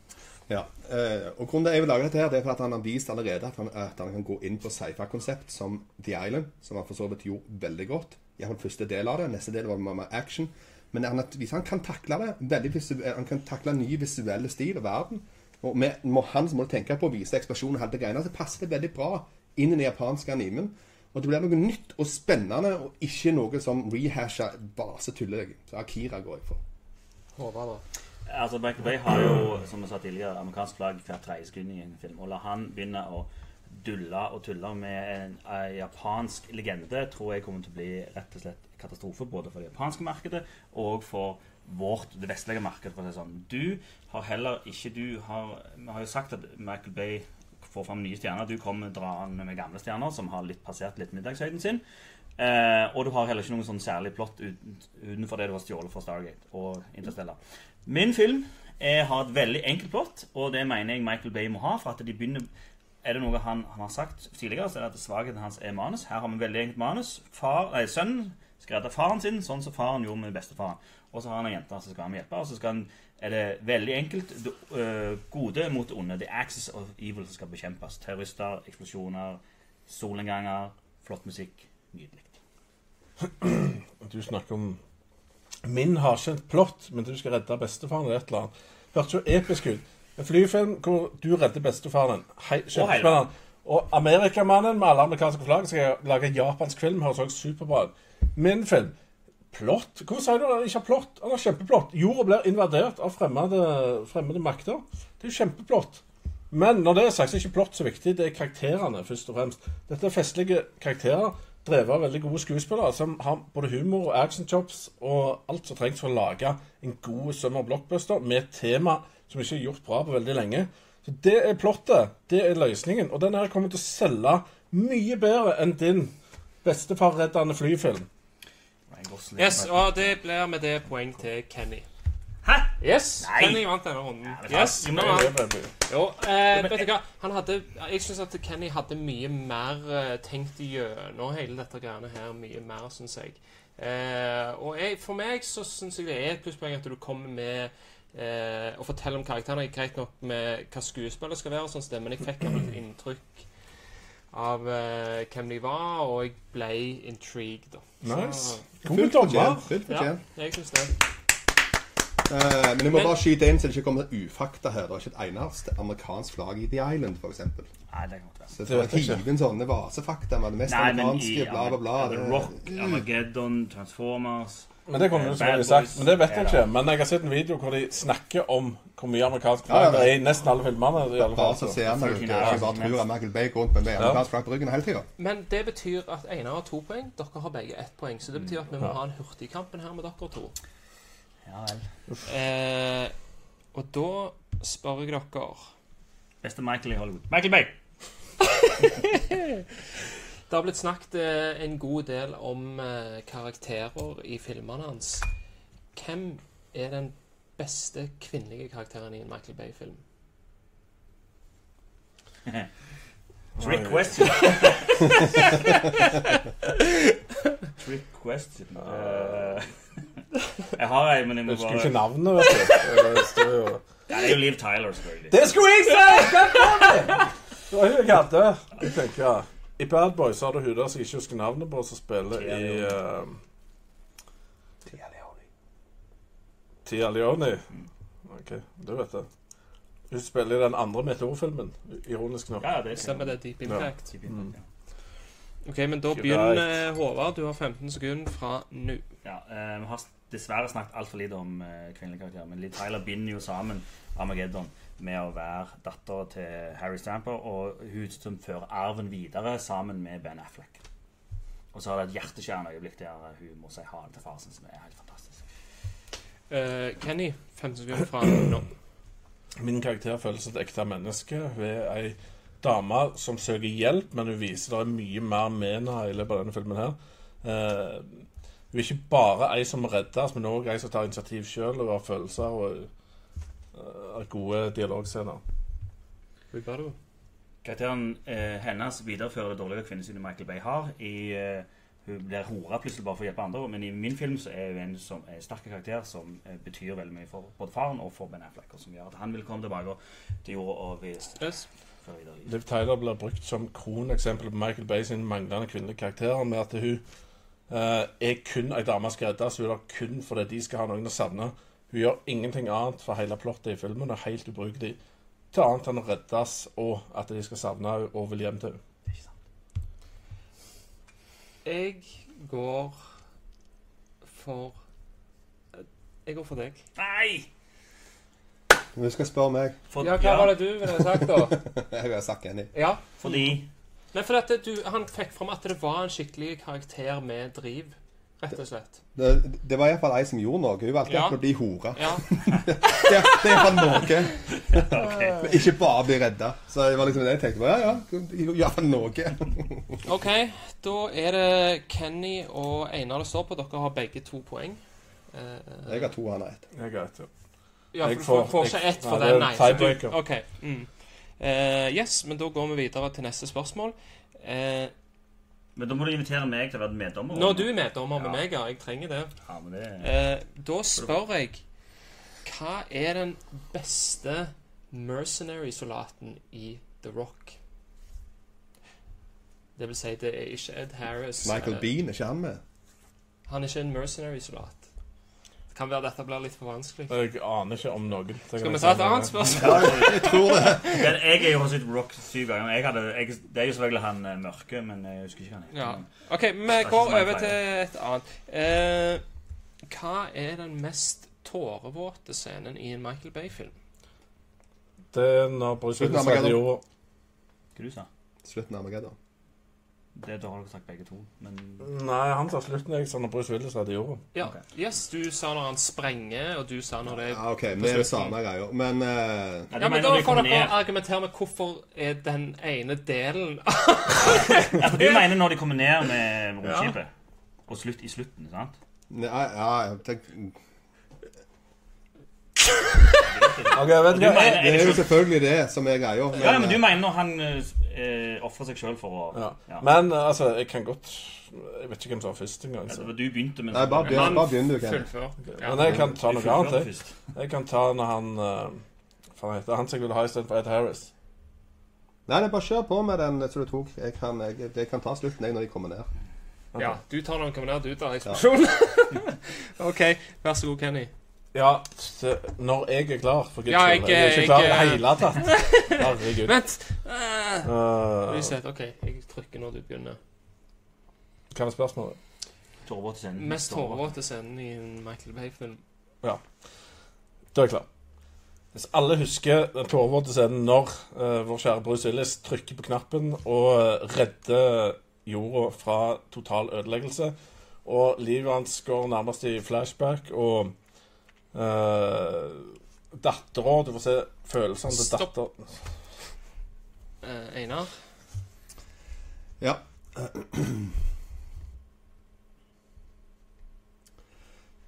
Slutten av Armageddon. Da lander jo denne her heltemodige gjengen. Det- Dåden er gjort. Og de kan nok slippe jubelen løs. eh, Og ikke minst er det òg veldig mye sorgen i bildet over at det er en som har dødd for hele planeten. Og det er jo med at Ben Affleck og dama kommer sammen igjen, og de kan dele sin sorg. Alle folk som jeg kjenner som snakker om Armageddon, de som ikke vil se han om igjen, det er de som husker når han trykte på knappen, som er et tårevått øyeblikk hvor han dør, og vi har ikke lyst til å miste Bruce Willis. Einar? En knapptrykking, knapptrykking. Det er reaksjonene etterpå som er reelle. Men det får ikke mye ut av den. Mens reaksjonene som kommer i etterkant på alt dette, her, det er da du sitter igjen og du kjenner på deg sjøl og menneskeheten og at verden er redda. Stopp. Eh, Jeg syns de gjorde det dårlig begge to, for ingen har plukket fram hva som egentlig er essensen i de, de to scenene der. Det, ja, Jeg skal ikke gå inn på det, da. Jeg kan ta det etterpå. Takk for skryten. Vet ikke hva jeg skal gjøre. Eh, jeg har en som jeg lener mot uh, Ja, jeg lener egentlig mot Einar. Ja, det gjør jeg òg. Ja.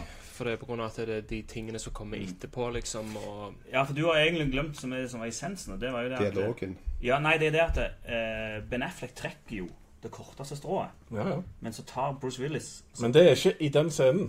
Nei, men det er det som leder fram til den scenen, og det er det som gjør den scenen så vanvittig tårevåt. At han velger seg sjøl og ofrer seg sjøl i stedet. Ja, men det er heller ikke det han har. Han Jo. snakker om når de kommer ut av flyet. Ja, ja, men ja, det, er, det er jo det. Du skulle jo òg nevnt uh, quote Da, da skjer jo faktisk ting og kommer spesiell musikk Ja, her når han trykker på knappen. det, blir, uh, det betyr at vi er da på 3-1. Tre tegner. Én til deg ennå. Yes. Request permission to shake the Hand of the uh, Daughter of the Greatest Man Who Ever Lived. Den har jeg inne.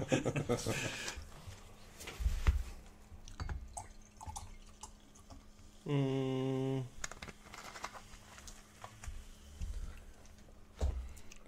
Dappersen. hva er Ja, hva er? Ja.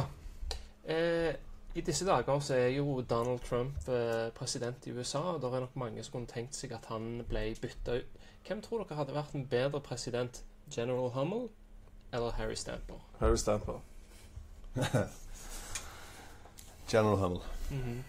Da begynner Kenny. Harry Stamper har viljen til å gjøre det rette, eh, og det er det mest grunnleggende som ikke dagens president har.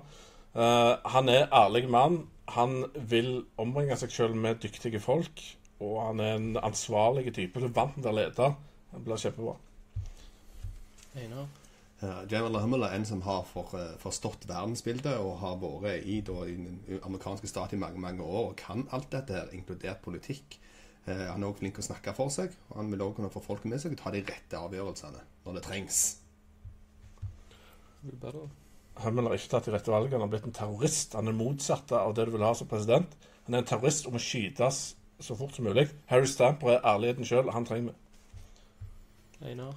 Eh, I en tenkt verden så hadde jo ikke det jo, han, hadde han ikke gått til det steget der. Han hadde brukt de politiske kreftene til, til, til å gjennomføre det som burde bli skjedd. For han, han ble drept i The Rock. Så det må ikke ha skjedd. Dermed har han heller gjort litt politiker for på rette måten. Ja, vanskelig. Men jeg Ja. at hvis, hvis du nå klarer å ta han på det han sa, så skal du få vinne.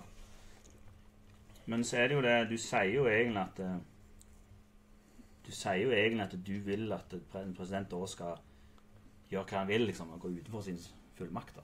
Og det er ikke, Nei, jeg sa ikke det. Det var det jeg følte du sa. Eh, og det måtte han jo gjort, for det er jo det han gjør i The Rock. Han ser at det, nå kan jeg ikke gjøre noe mer, da er jeg nødt til å gjøre dette her. Mm. Mens Harry Stamper er rett og slett bare tvers igjen en En god, god person. ja. Og han har samla det rette teamet. Der sa du òg noe Ja, jeg, ja, jeg er enig i det. Går et poeng til Kenny der. Ja. Det betyr at det er 3-2. Henger tauene her. Du snakket ingenting om team, og egentlig så har jo han Hummel samla helt feil team. Han er elendig å samle team. Ja, Det var det hadde sagt den, for jeg visste jeg hadde han tapt. jo. Ja, Oh my det. god, jeg hadde iallfall det var- det var knockout, tenker jeg. kjenner jeg. Eh, vi har jo hatt eh, lignende versjoner av dette spørsmålet før, men jeg spør allikevel. Hvem ville du hatt som wingman når du skal på byen? Eh, Mar Marcus Burnett eller Mike Lowry fra Bad Boys? Mike Larry. Marcus. Ja, da begge Så da, du sa Mar Mike Lowry først, ah, ja. så da begynner du. Men bare sånn, Det er Will Smith og Will Smith og Martin. Martin Lawrence. Nei, dette er Martin Lawrence. Nei, du har Will Smith. Har jeg det? oh my god, var det motsatt på de navnene? Du skal være den Larry. stygge venninna hans. Men uh, han later jo som han er Mike Lowry i et tidspunkt Ja, i filmen, det, da, ja. så det, ja, det, det det, ja? har blitt Ah, forvirret. det er den jeg husker. Han sitter og sier ja, Mike Larry. Larry. Mike Larry. Stemmer okay. det. Det var sånn du hang sammen. Nei, Uh, ok, men det er han, han som vinner. Er det ikke eller meg? Nei, det var du som sa du klarte å si Ja, nei. Eller se når du er klar. Fordelen iallfall, da, med, med å ha med seg Smith, Smith sin karakter på byen, den høyreiste og flotte typen, at jeg kommer jo få tilgang og adgang til det aller aller meste. Backstage på det aller meste, og det blir kjempekult. Så jeg får bare være meg sjøl og klare meg så godt jeg kan. Men jeg får iallfall adgang til det meste. For det får det kjempebra. Det blir OK, skambra. fett. Uh, Kenny. Yes, jeg har med meg en sjarmerende purk som vil meg det beste. For han er veldig trofast mot kona si, så han kommer til å jobbe på for at jeg skal få meg noe i kveld. Uh, rebuttal. Ja, rebuttal. Ja, ne, Det hjelper ingenting å ha med seg han kortvokste den lille saken ved siden av deg. Dere kommer aldri noen plasser. Dere kommer til bare til å svinse rundt på, nede på uh, Tribute på Sandnes og blir forglemmelige gang- kveld etter kveld. Mens jeg havner Stopp. For det første skal vi ikke på Sandnes. For det andre så er han flott til han. Eh, For det tredje så er det jeg som er høye mørke her, så jeg trenger ikke noen andre enn en til å støtte meg litt. grann. Eh, han din han outshiner deg så voldsomt at det Ja, stopp. Ja, Ja, det går greit med begge to. ja, men jeg må si jeg eh, Jeg, jeg lener Lener mest mot Einar her, for jeg følte du klarte å spinne den jævlig godt, altså. Jeg òg gjorde Ja. det. Dette med at du, klarer, du får komme inn mange plasser for å gjøre ditt beste. ja, ja, ja, sant. Og det er jo det. Jentene liker jo det en fyr som gjør sitt beste. Ikke sant? Eh, og du sa jo det sjøl. Ja, ja, men han er jo trofast, i hvert fall. Så han eh, kan jo Han kommer ikke til å stjele damen fra meg, sa du. Og det er sånn Ja, okay, det høres jo kjedelig ut. Ja, men da er vi på eh, Det betyr at Einar har uh, fire poeng, Kenny har to poeng. Uh, dette kan bli siste spørsmålet. Eh,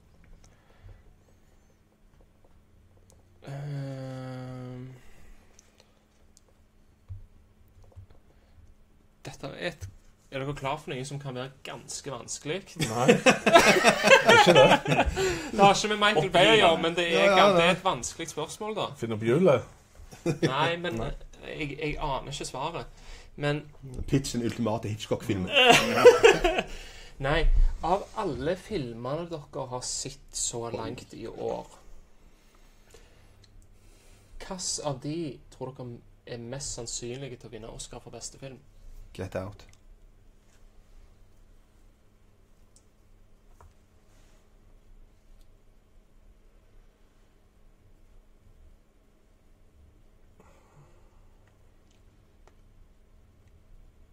I år? I år, ja. Jeg sa det var et jæklig vanskelig spørsmål. Ja, det er egentlig et lett spørsmål. Jeg vet hvem som vant Oscar i år, og den kom ut i Norge i år. Ja, jeg mener i neste år. Ja, ja. Nei, vet du hva. Jeg eh, tar Logan.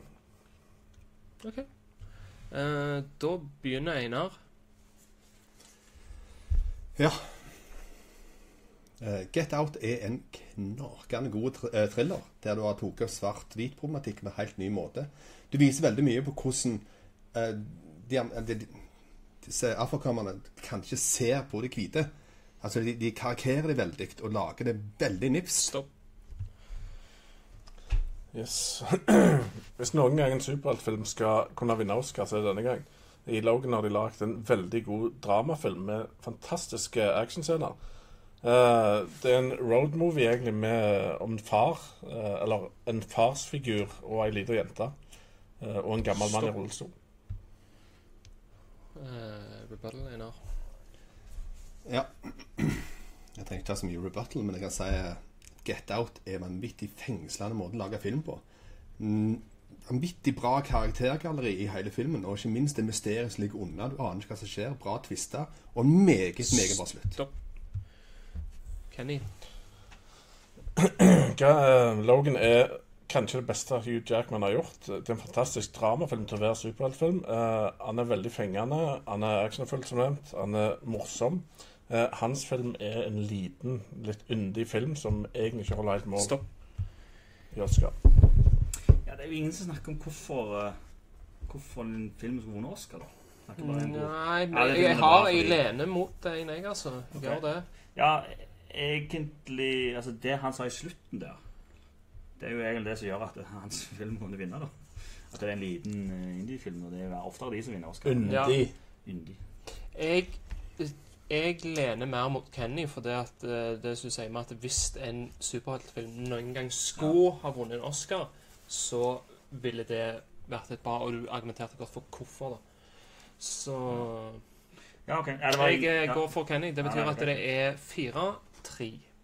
Eller- Det er helt greit. Oscar- Oscar-filmen har ikke kommet ennå. Nei, han har ikke det. Det kom, Det er nok ingen av de.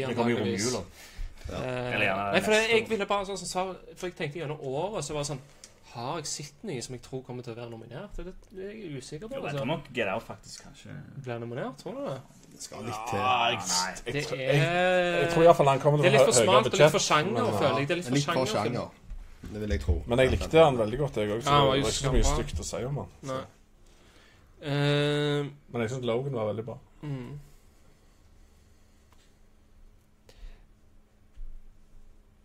Beste Sam i Hollywood. Sam, Neill. Sam Sam motherfucking Neil. Damn you. Faen, det er noen andre Sam. Det er jo det. Du kan velge karakter òg, kan du det? Eller, Nei, nei. Han er Eh, Eller- skuespiller. eller director? Eller.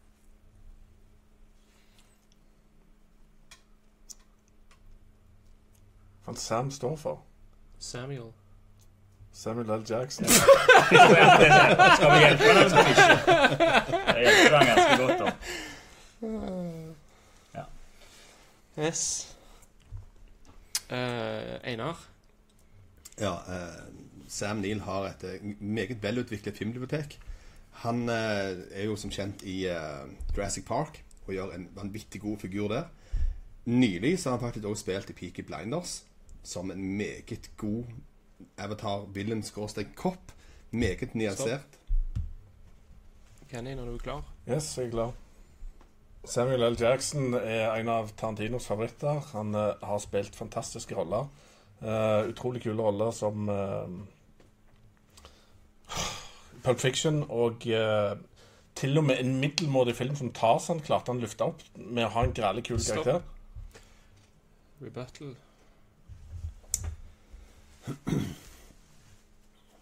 Eh, ja. Eh, Sam har spilt i vanvittig mange filmer, og i veldig mange dårlige filmer. Han kommer inn i Han tar en easiest paycheck til tider. Veldig ofte. For det er fått tre-fire filmer i år, og der to av de er dårlige. En kanskje bra.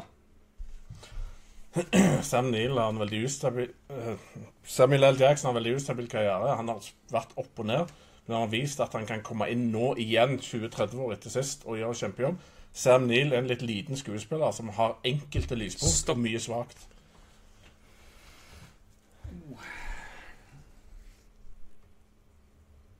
Ja, det var vanskelig. Ja. Uh. Nei, jeg vet, ikke- jeg vet ikke, jeg, for det er egentlig så Burde være en slam dunk til han, men eh, det var, nesten, det var liksom ikke det. Nei. Men jeg føler ikke han tok han nok heller, liksom.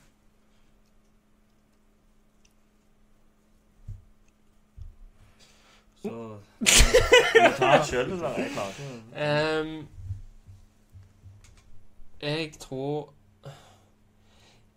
Jeg tror faktisk at uh, I og med at det ehm, burde vært mer slam dunk, og jeg følte kanskje du kom med litt flere poeng, så går poenget til Einar. Ja, det betyr at uh, Einar er vinneren av uh, kinokampen. Beste Jeg vil takke alle som har stemt på meg. Største Michael Bay-fan i uh, Sandnes. det er. Skal du se Transformers? Mr. Michael Bay. Skal du se Transformers? Eh, kanskje. Har sett. Har sett, ok. Ikke si noe. Er det kommet inn noen kommentarer her, eller? Viser du det? Den på fjesboka. Det har Dan Forrige uke, Bostrøm forrige som onsdag. sier han er enig med Håvard uansett hva han snakker om. Hvem som sier det? Dan Bostrøm. Dan Bort. Ja, ja, ja. Dan. Han hadde gitt meg poeng. Det er godt. Utenom det så er han på fjesboka, og da er det ikke så mange som er kommer inn på den måten. der, Nei. Nei. Det er på YouTube at det foreskjer. Ja. Så kommentar, Ja, ja. kommentar i etterkant på tuber, folkens. Da får dere sende inn kommentarer. og har dere, Er dere enige med de avgjørelsene jeg har tatt i dag, eller kanskje ikke? Eh, men eh, uansett så er det vel eh, bare til å si tusen takk til alle som har sett på. Eh, og eh, del det på Facebook, eh, på YouTube, kommenter, opp med tomler. Uh, Verv en venn. Uh, fortell bestemor di om dette.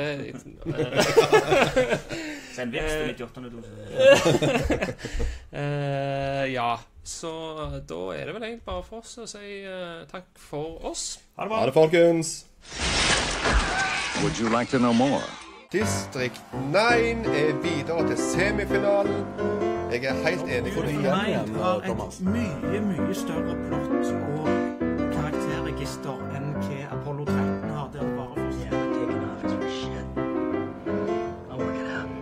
Med tanke på de framtidsvisjonene de hadde før, det skulle alt bli punk.